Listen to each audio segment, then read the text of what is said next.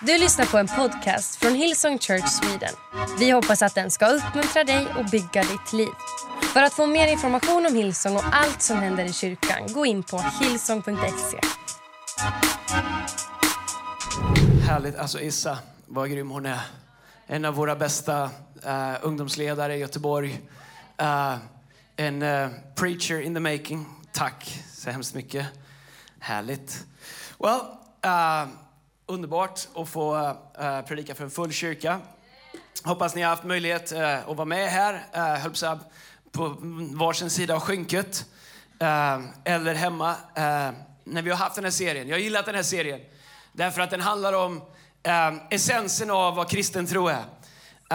det här blir grymt, alltså, den ska inte springa ner. det sista man vill välta, det är Herrens bord, det kan jag säga.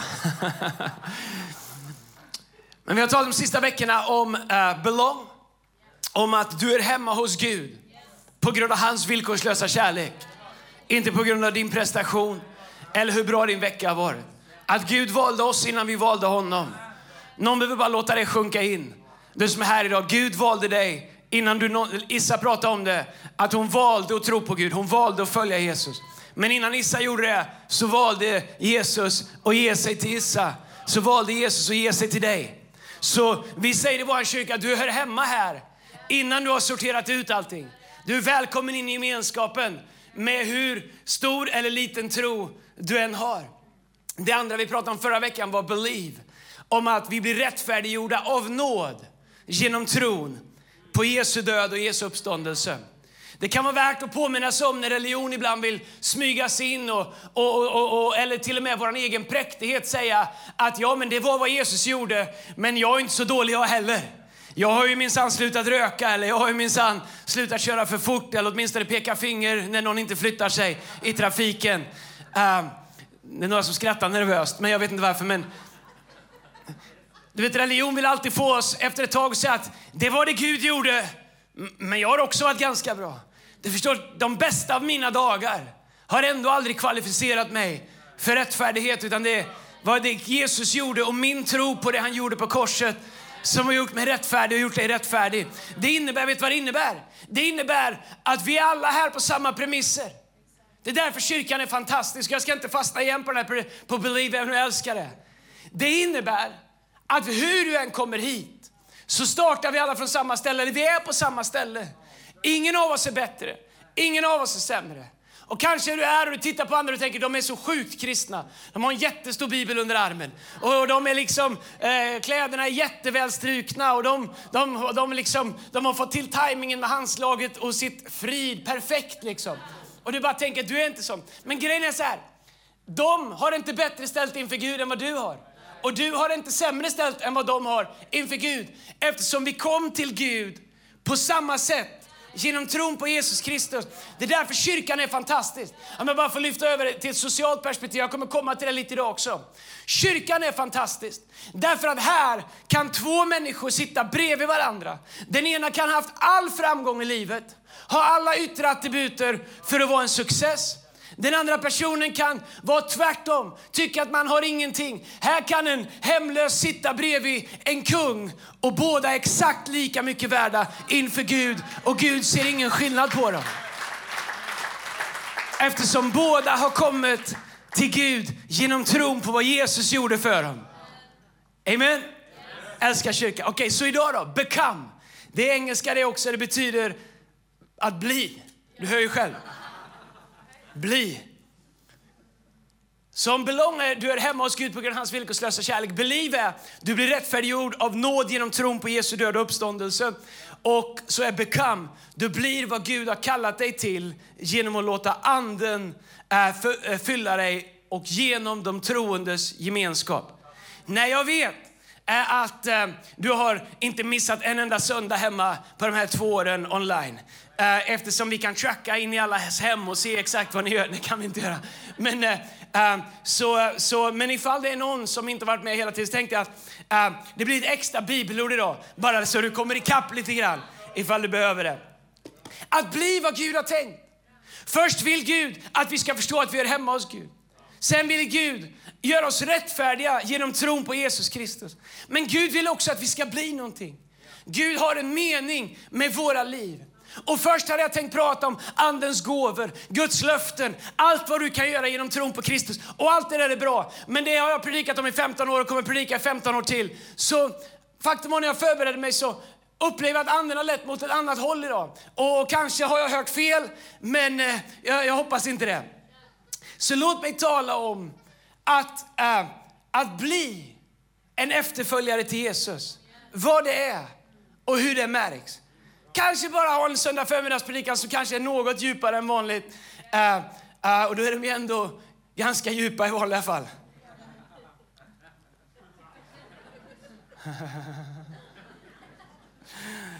Två år. I Nya Testamentet så ser vi att människor som mötte Jesus blev annorlunda. Allting i Nya Testamentet pekar på att ett möte med Jesus gjorde en skillnad i människors liv inte bara hur de liksom betedde sig eller hur, hur, liksom, eh, eh, hur man började liksom värdera saker och ting eller hur man började, det är ett modernt ord, processera saker och ting. Processera betyder att man håller på med någonting som i värsta fall aldrig blir någonting, men man håller åtminstone på med någonting. Det är supermodernt. Vad gör du? Jag processerar. Jag är i en process. Vart ska den då? Det har jag ingen aning om. Men processen, hej, det är väl bra med processer. Men grejen om ett möte med Jesus i Nya Testamentet innebar en, monu en sån monumental förvandling så att alla människor såg det. Alla människor såg det. Det gick inte att möta Jesus och bli fylld med anden utan att alla människor såg. Och jag säger inte att du ska ta ljusflaggor här som de hade på första, liksom, eller låna någons ormar som de har här. Det har vi inga, skojar bara. Och gå ut liksom och visa liksom att jag är kristen genom ormar och flaggor.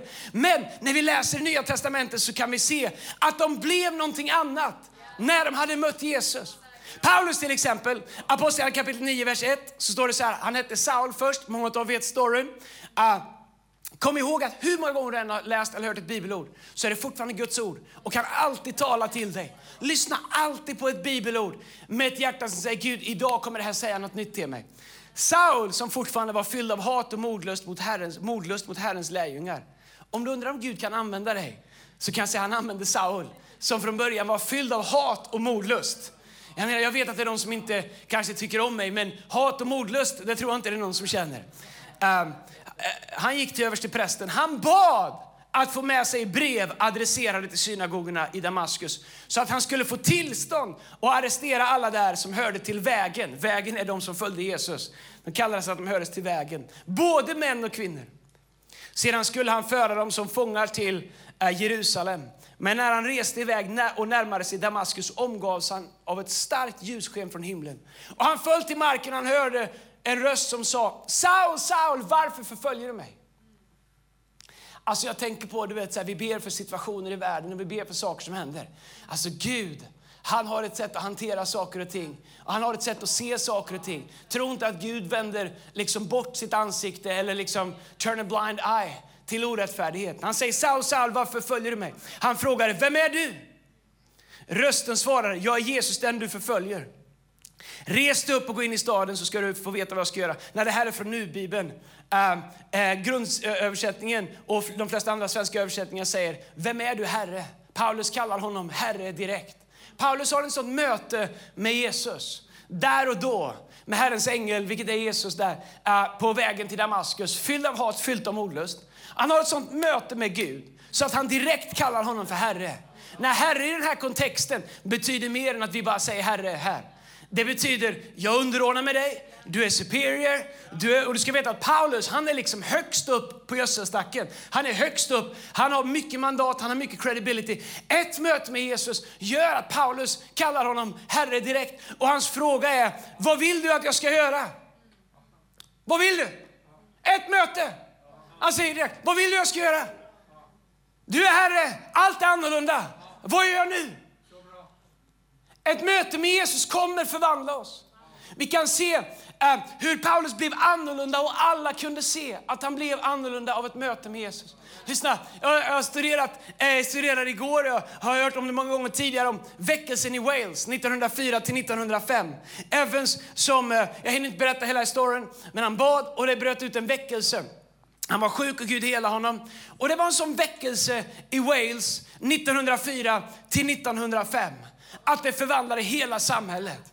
Jag tror fortfarande på en Gud som har makt och kraft och en ande som uppväckte Kristus från de döda, som är så mäktig att när den rör sig och när den gör det vi ber om, det vi sjunger om, det vi bekänner, så kan den förvandla hela samhällen. Där han kan hjälpa dig med mer än att din cykelkedja inte ska hoppa när du cyklar till jobbet. Det är bra om det inte sker. Han kan hjälpa dig med mer än att du ska hinna i tid med bussen när du ber eh, liksom, och springande på väg till jobbet. Han kan det också. Men Gud är också en Gud och anden är också en ande som när vi vi ber och när vi tror kan förvandla samhällen, kan förvandla din familj på ett sätt där det, det finns ingen anledning. Vi såg det inte komma. Det var inte på grund av en process. Det var ett suddenly ifrån himlen så förlöste Gud sin ande och någonting blev annorlunda. Vad hände i Wales? Och det här är vad historieböckerna säger. Kriminaliteten försvann. Efter sex månader så fanns det inga court cases. De sa upp åtta domare första året. För att de brukade ha en hög med, med fall som de skulle gå igenom. Men när väckelsen kom så skedde inga mord, ingen misshandel, inga övergrepp, inga fyllerier, inga stölder, inga rån. Faktum är att det var väldigt vanligt. Det spred sig en våg där de som hade stulit och rånat lämnade tillbaks saker när de blev frälsta till dem de hade rånat. Inga, kriminaliteten försvann. Domstolarna var tomma. Eh, Courthousen var helt tomma. Åsnorna som jobbade i gruvorna, det här var en gruvstad, de slutade funka. De drog inte, de lydde inte längre. Därför att de var inskolade med de som jobbade i gruvorna, att de svor. Några sådana ram... Alltså jag ska inte visa, men jag ska inte säga, eller jag kan inga sådana. Jag skulle kunna skicka runt micken, jag har några här som är... Men du förstår, de som jobbade i gruvan, de svor något så fruktansvärt. Så när de blev frälsta och slutade svära, så fattade inte åsnorna vad de menade längre. Så de fick problem med gruvdriften därför att åsnorna lydde inte för att de kunde bara svordomar. Men när väckelsen kom till Wales så stod åsnorna stilla för att de som körde dem hade slutat svära. Pubbarna, de, många av pubbarna gick i konkurs. För folk slutade dricka. Det här var en period samtidigt i Sverige när hela länder höll på att dricka ihjäl sig. Pubbarna fick stänga. Fotbollsmatcher ställdes in. De stora cupmatcherna, derbymatcherna, för alla var ändå i kyrkan. Det var ingen idé att spela fotboll. De ställde in teatrar, konserter. De sa det är ingen idé att hålla på med det. Alla är ändå i kyrkan. Alla är och prisar Gud, alla är och ber, alla är och, och har gudstjänst, alla är i kyrkan. Så hela, de ändrade, la om busstidtabeller, de la om tågtidtabeller och la om rutter så att buss och tåg skulle gå till kyrkorna. För det var bara dit som folk åkte i alla fall. Det var ingen mening att köra runt tomma, tomma buss och tåg till massa olika ställen dit inte människor skulle. Helt otroligt. 1904 till 1905 en av de största väckelserna i modern tid. Det är bara hundra år sedan drygt. Sen hela samhällen, där väckelsen spred sig över hela Wales, över hela landet. Sen Gud gjorde ett mirakel och allting blev annorlunda. Men då är den stora frågan, har Gud förändrats något så enormt på drygt hundra år? Eller har vi förändrats i vad vår tro är på vad ett möte med Gud kan göra? När Gud upprättar ett helt samhälle, ett helt stad, ett helt land Genom frälsning och genom, framförallt genom frälsning och uppfyllandet av anden. Vi kan se på Petrus efter anden föll. Petrus, många av er vet vem Petrus var. Impulsiv, burdus, förnekar Jesus, förbannar Jesus. Men när anden faller över honom på pingstdagen, då är han den som steppar upp. Alla kunde se att Petrus var annorlunda. Det var inte så här, nej men jag är frälst nu, men jag är likadan. Jag är inget annorlunda. Tänk inte annorlunda mig, jag är som er. Jag är sökarvänlig.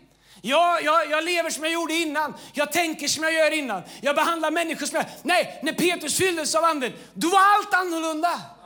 Allt var annorlunda med Petrus. Och Bibeln säger, Paulus säger, låt dig ständigt uppfyllas av anden. Vad är det Paulus säger? Han säger, det Petrus upplevde på pingstdagen, det kan vi uppleva varje dag. Varje dag.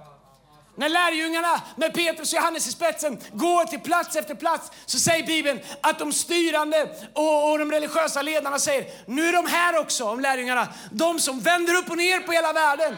Man kan säga att det märktes på dem som hade lärt känna Jesus. Allt blev bättre vart de än var. Det står så här också. Eh, och, eh, i Apostlagärningarna 2, vers 42 om vad Gud gjorde. Hur det märktes. De troende höll sig till apostlarnas undervisning, de hade gemenskap med varandra och bröt bröd tillsammans och bad. Människorna hade en djup respekt för dem och apostlarna utförde många under och tecken. Alla de troende var ständigt tillsammans och de hade allting gemensamt. De sålde allt vad de ägde och delade med sig till varandra. Allt efter vars och ens behov. Varje dag möttes de i templet och i hemmen samlades de. Varje dag möttes de i templet och i hemmen samlades de för att bryta bröd och för att äta tillsammans i glädje och uppriktig hjärtlighet. De prisade Gud och de var omtyckta av allt folket. De blev liksom inte weirda, de blev liksom inte ufon eller aliens. Liksom, som, som, de var människor. Eh, the message säger people in general liked what they saw.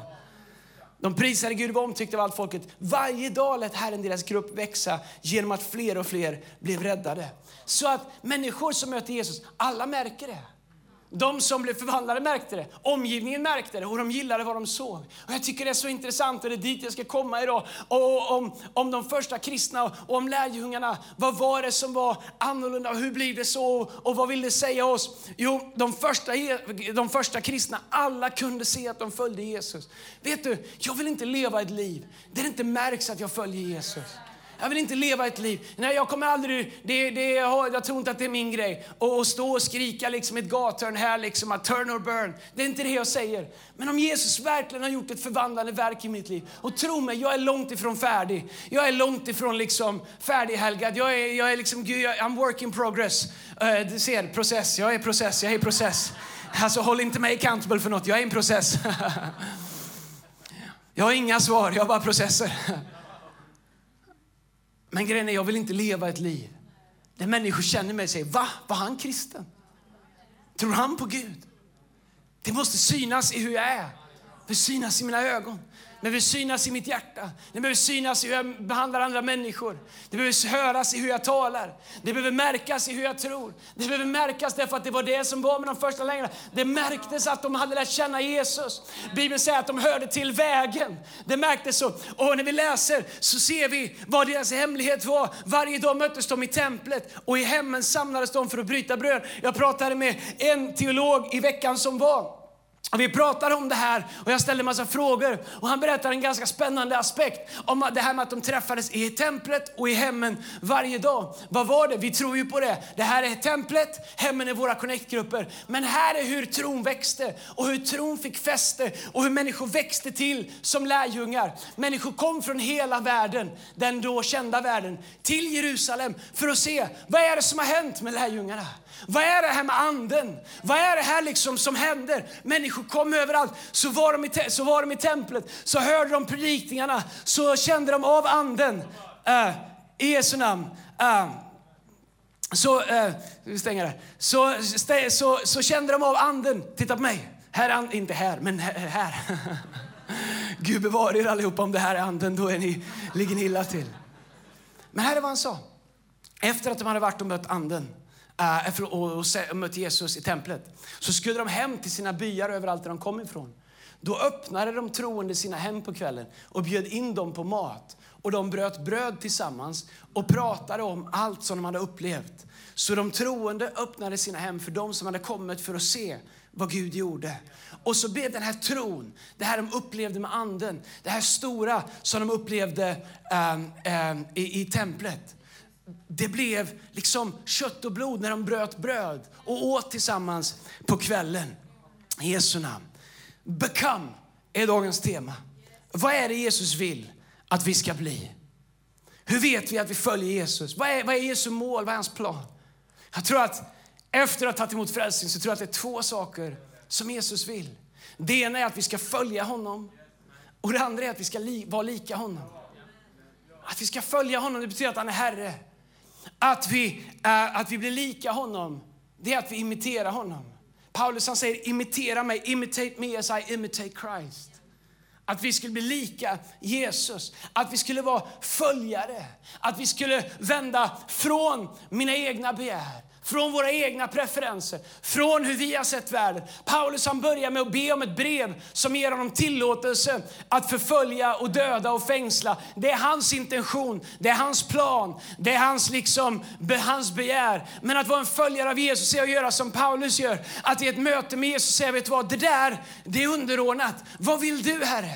Paulus första fråga är, vad vill du att jag ska göra Herre?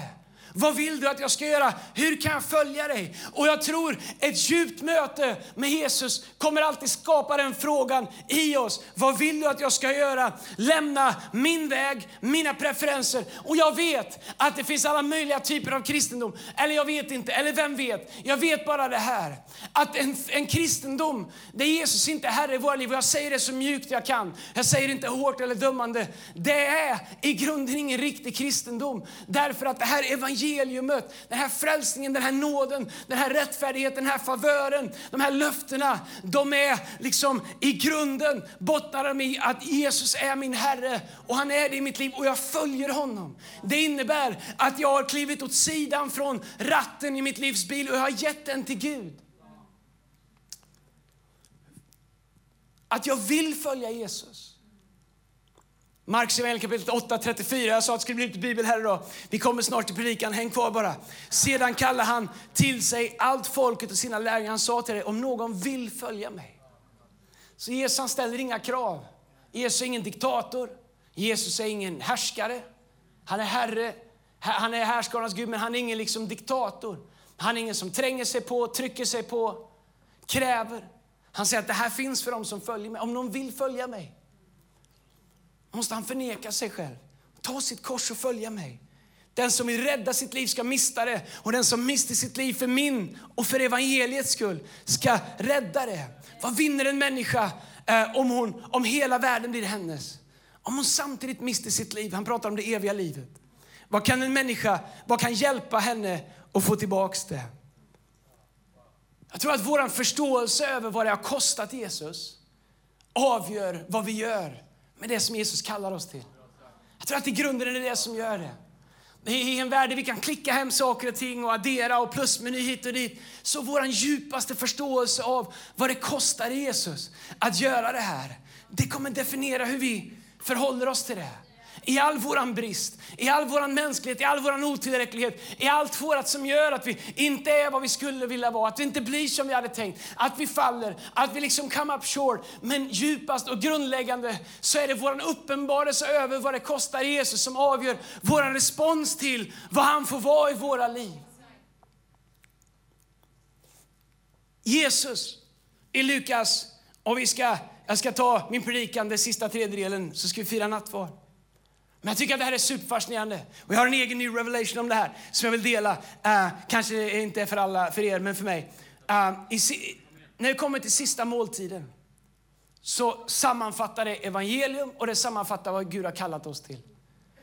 I Lukas kapitel 22, innan sista måltiden, det är ju där de bryter bröd och, och Jesus säger någon ska förråda mig och det är precis innan korsfästelsen. Så står det i Lukas 22, vers 15.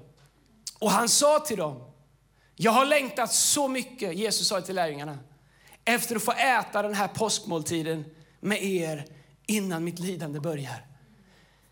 Det är en av de märkligaste verserna i hela Bibeln. Jesus han vet att det här är starten på korsfästelsen. Det här är starten på liksom det största lidandet man kan tänka sig. Och så säger Jesus, jag har längtat efter den här dagen. Jag har längtat så efter att få dela den här måltiden. Jag har längtat så efter att få bryta det här brödet med er. Det här brödet som vi, äh, som vi bryter i nattvarden. Som Jesus säger att jag är livets bröd. Den som äter av mig ska aldrig mer hungra. Vad är det här brödet? Vad är det här ordet? Jesus i Lukas 22, vers 15. Han bjuder in lärjungarna till äh, brödet och till bordet. Han bjuder in dem till bords, han säger sätt er här. Jag har längtat efter att få dela den här måltiden med er. Så bjuder han in dem till brödet. Lärjungarna vet vad det här representerar. Jag säger det här är min kropp. Bibeln säger att ordet blev kött och bodde mitt ibland oss. Johannes 1, eh, vers 11. Så de vet vad det här representerar när de ska bryta det här brödet. Det är inte bara, det är inte bara mat för dem. Så brödet är ordet. Jesus är ordet livets bröd. Men varför samlar han dem kring ett bord? Varför samlar han dem där? Bordet, gemenskapen, lärjungaskap, delaktighet, brödsbrytelsen, delandet av brödet. Det verkar i det här ögonblicket vara lika centralt och fundamentalt som brödet de bryter.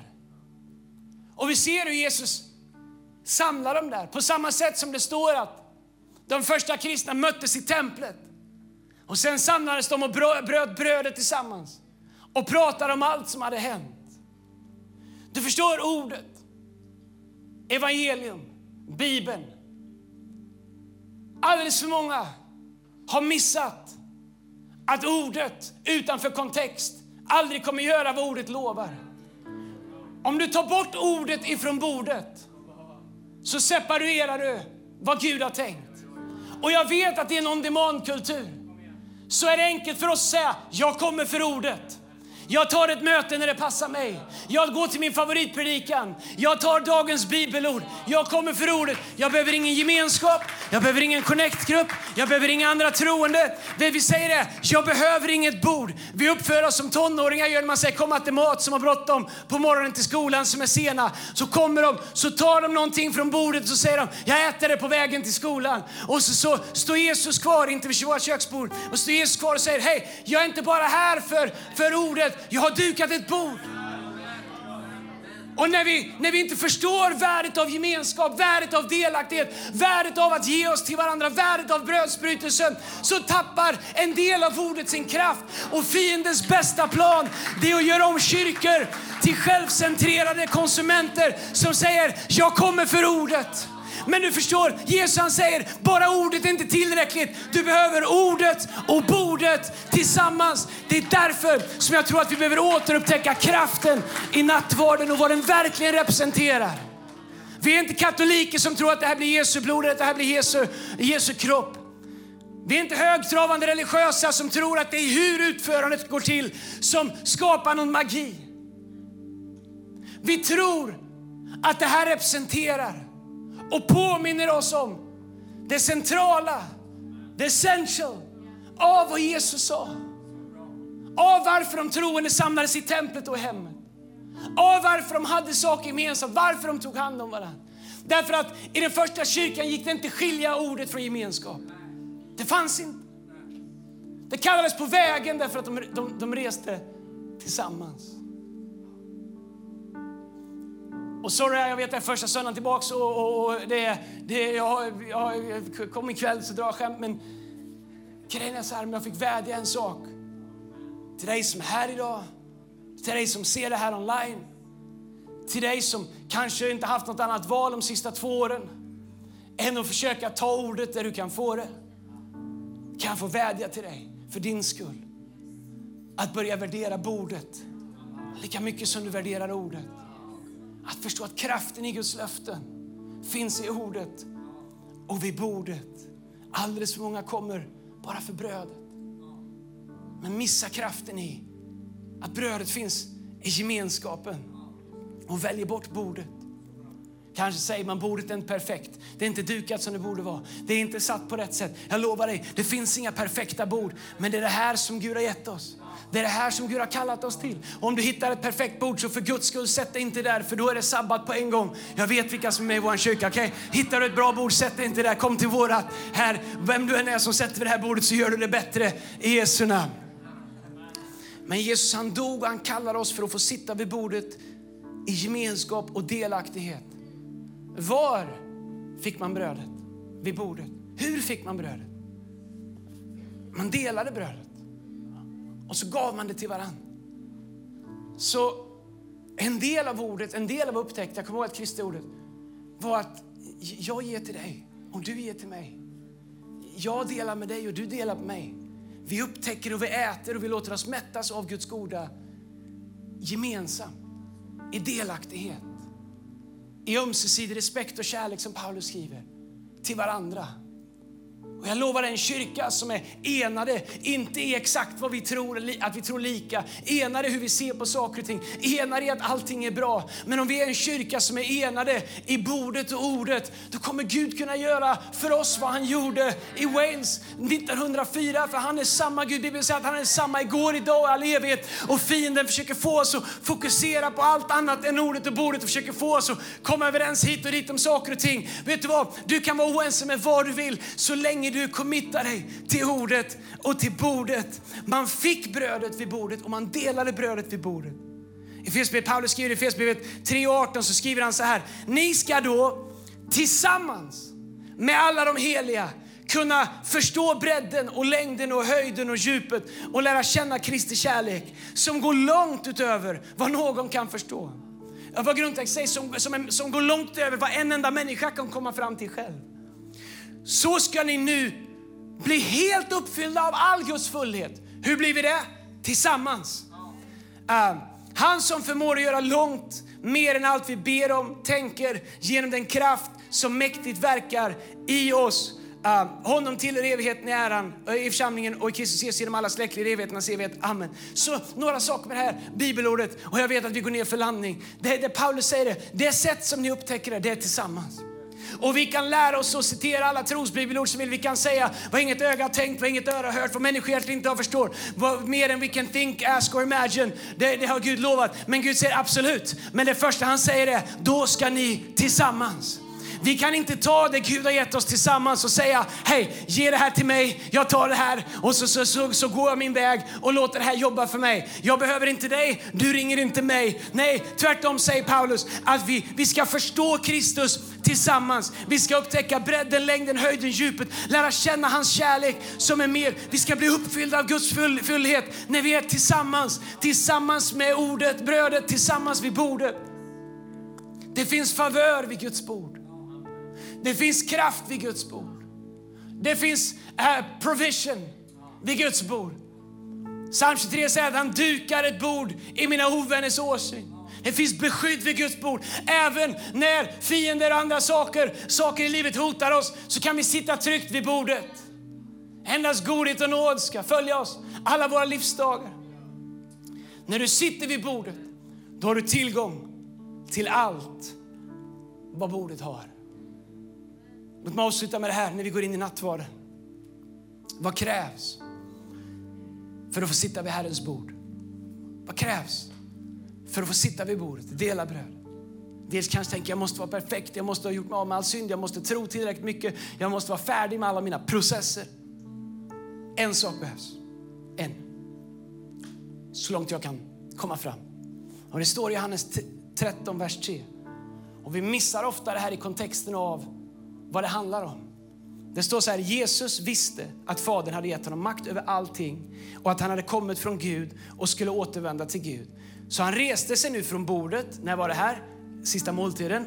Det här är sista måltiden som den här kontexten är i. Så Jesus reser sig från bordet, tog av sig manteln, virade en handduk om sig. Sen hällde han vatten i ett handfat och började tvätta sina lärjungars fötter och torka dem med handduken som han hade virat om sig. Så det här är ingen så random act, det här gör han vid bordet. När han kom till Simon Petrus sa Simon till honom, Herre, ska du tvätta mina fötter? Då svarade Jesus, du förstår inte just nu vad jag gör, men en dag ska du förstå det. Kanske är det idag. Petrus sa, aldrig i evighet får du tvätta mina fötter. Men Jesus sa till honom, om jag inte tvättar dig har du ingen del i mig. Han säger det, du har ingen plats vid bordet här om jag inte får tvätta dig. Då sa Simon Petrus, Herre tvätta mina händer, mitt huvud också och inte bara mina fötter. Petrus, vad är det Jesus säger? Han säger att för att få en plats vid mitt bord, allt du behöver göra är att låta mig få tvätta dig. Att låta mig få förvandla dig. Att låta mig få tvätta bort din synd. Att låta mig få vi, vi, vi, vi, pratar om helgelse, vi pratar om att bli mer lika Jesus. Vet du vad helgelse är? Det är att låta Jesus tvätta dig. Inte bara en gång, utan igen och igen och igen. Ja, han förlåter dig din synd, han tvättar bort din synd när du bekänner honom som Herre. Men i vår process att konstant bli mer och mer lika Jesus så är vägen till bordet är via fatet med vatten. Där vi inser att vi sitter här på samma premisser och utav samma anledning. Att Mästaren valde att tvätta våra fötter. Att Mästaren valde att tvätta våra hjärtan. Om du har svårt att komma överens med någon människa, fundera på två saker. Nummer ett, hur i hela världen kan Jesus tvätta dina fötter? Eller mina? Det är obegripligt, vi är inte värda det. Och när vi inser att han ändå gör det, då kan du fundera på varför du ska älska din granne. Varför du ska älska din nästa. Hur ska vi komma överens? Vi kommer överens eftersom vi har samma behov av att han tvättar våra fötter så att vi kan få en plats vid bordet och ordet. När jag läste det här så fick nattvarden en helt ny innebörd för mig. Och jag inser att jag kommer inte bara för att, för att påminna mig om vad Jesus har gjort för mig. Jag kommer för att förankra det faktum att jag är en del av vad Jesus har gjort för mig. Jag är också en del av den troende gemenskap. Och mitt liv med Gud är inte bara förankrat i Gud, det är också förankrat i dig. Det är förankrat i oss. Därför att jag kan inte bara ta ordet och komma och säga, jag tar bara ordet, jag behöver ingen. Det går inte. Jag behöver ordet och jag behöver dig, jag behöver bordet. Jag behöver gemenskapen, jag behöver få ordet, jag behöver få brödet. Men jag behöver också vara i en kontext där jag får dela brödet, där jag får bryta brödet, där jag får ha brödet tillsammans, där jag får vara i gemenskap av brödet. Och där jag ger till dig och du ger till mig, där jag betjänar dig och du betjänar mig. Jesus, han bröt brödet och sen så skickade de vidare och så bröt de brödet, så tog de del av ordet och de betjänade varandra. Och Jesu vägnar så fyllde de varandras behov med ordet. De tog sin plats vid bordet. Vägen till Jesu bord. Till frälsning, gemenskap, ordet, bordet och delaktighet. Det är inte genom religion, inte genom skam, inte genom syndabekännelse eller skärpning. Det är genom surrender. Jesus tvätta mina fötter. Fattar inte hur du vill, men tvätta mina fötter. Lär mig att älska min nästa. Hjälp mig att förstå att även om jag inte är värdig så finns det en plats vid bordet för mig. Du har gjort en plats för mig. Och när vi läser instiftsorden, det står att när alla var samlade så tog Jesus bröd och han bröt och sa det här är min kropp. Tog ett helt brödstycke och sa det här är min kropp. Utgiven för er skull. Varje gång ni äter av brödet, bryter brödet, delar brödet, påminner om mig.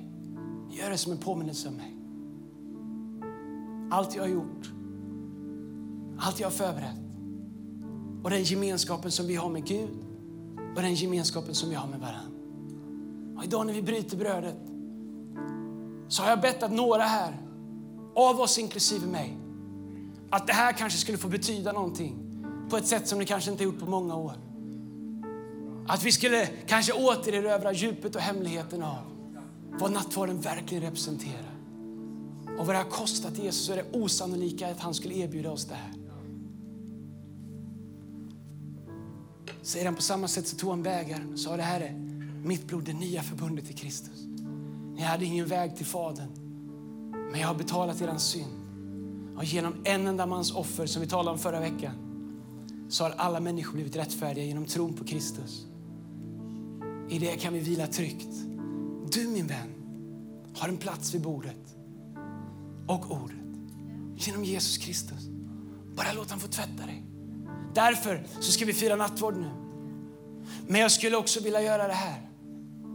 Innan vi gör det, jag skulle vilja be en bön. För alla oss som är här. Här är vad Bibeln säger. Om vi bekänner våra synder, då är han trofast och rättfärdig. Så renar han oss från allt. Inte bara en gång utan igen och igen och igen. Att låta sig tvättas, det är att ge sitt byk till Gud. Fienden säger visa inte upp det, skäms över det, göm det, låtsas som du inte har det. Jesus säger bara låt mig få tvätta det så blir allt bra.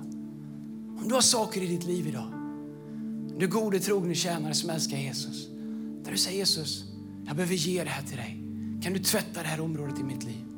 Kan du tvätta den här attityden? Kan du tvätta de här tankarna? Kan du tvätta de här handlingarna? Kan du tvätta det här i mitt liv? Kan du tvätta mig? Jag ska be att Gud gör det i våra liv. Och att vi idag när vi tar emot nattvarden att vi inser att vi kan komma fria, fulla av frimodighet och ta en plats vid bordet och dela gemenskapen av brödet och ordet. och få dela bägaren och frimodigt veta att vi kan komma inför Gud på grund av vad Jesus har gjort. Jag ska också be att en del får en ny uppenbarelse om varför du är med i en kyrka och varför vi samlas och varför vi har gemenskap. Ska vi stå upp tillsammans på alla våra campusar så ska vi förbereda nattvarden.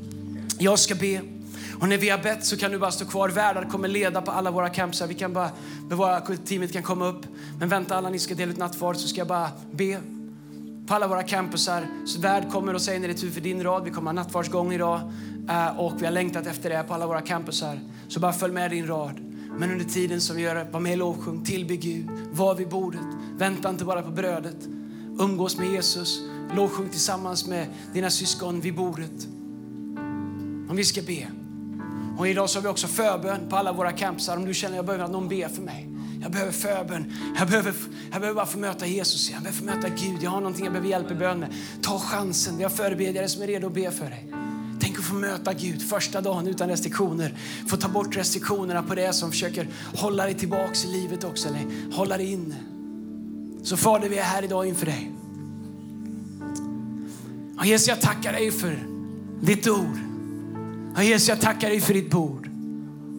Herre, jag tackar att idag så välkomnar du var och en som tror på dig till ditt bord, Herre. Herre, jag ber att du skulle tvätta oss, Herre. Att vi skulle förstå vårt behov att igen och igen bli tvättade utav dig, Jesus. Förlåtna för våran synd. Lägg i våra hjärtan en djup längtan efter att få bli lika dig, Jesus. Att det skulle synas och märkas på oss att, att du bor i oss, Herre Jesus. Att anden är i oss. Här idag så ber jag för var och en som längtar här efter att få möta dig, att de skulle få möta dig. Här idag så ber jag för var och en som skulle behöva bli tvättad på något område i sitt liv, att de skulle överlämna sig till dig. Herre. Herre, jag ber att när vi tar del av bordets gåvor idag, brödet och vinet, så ber jag Herre att det skulle få en djupare innebörd för oss. Att vi verkligen skulle reflektera över vad du har gett och vad det har kostat dig och vad vi har fått tillgång till. Genom anden, genom din kropp, genom blodet och genom gemenskapen med de troende. Herre, tack för att du gav ditt liv. Tack för att du utgav dig själv. Tack för att du tog våran sjukdom på dig. Tack för att du betalade för våran synd. Tack att vi har fått barnaskapets ande. Tack att vi frimodigt kan komma till ditt bord här idag på grund av vad du har gjort. I Jesu namn. Amen. Kom om vi lovsjunger tillsammans på alla våra campus. Ett ögonblick, varför skulle vi inte bara kunna fånga det här ögonblicket? Kanske det här är det viktigaste ögonblicket på två år. När vi verkligen får lyfta upp hans namn, ta plats vid bordet, lovsjunga honom. Låt anden få fylla oss på insidan medan vi firar nattvard tillsammans i Jesu namn. Du har lyssnat till en podcast från Hillsong Church Sweden. Om du vill veta mer om vår kyrka eller om våra söndagsmöten surfa in på hillsong.se.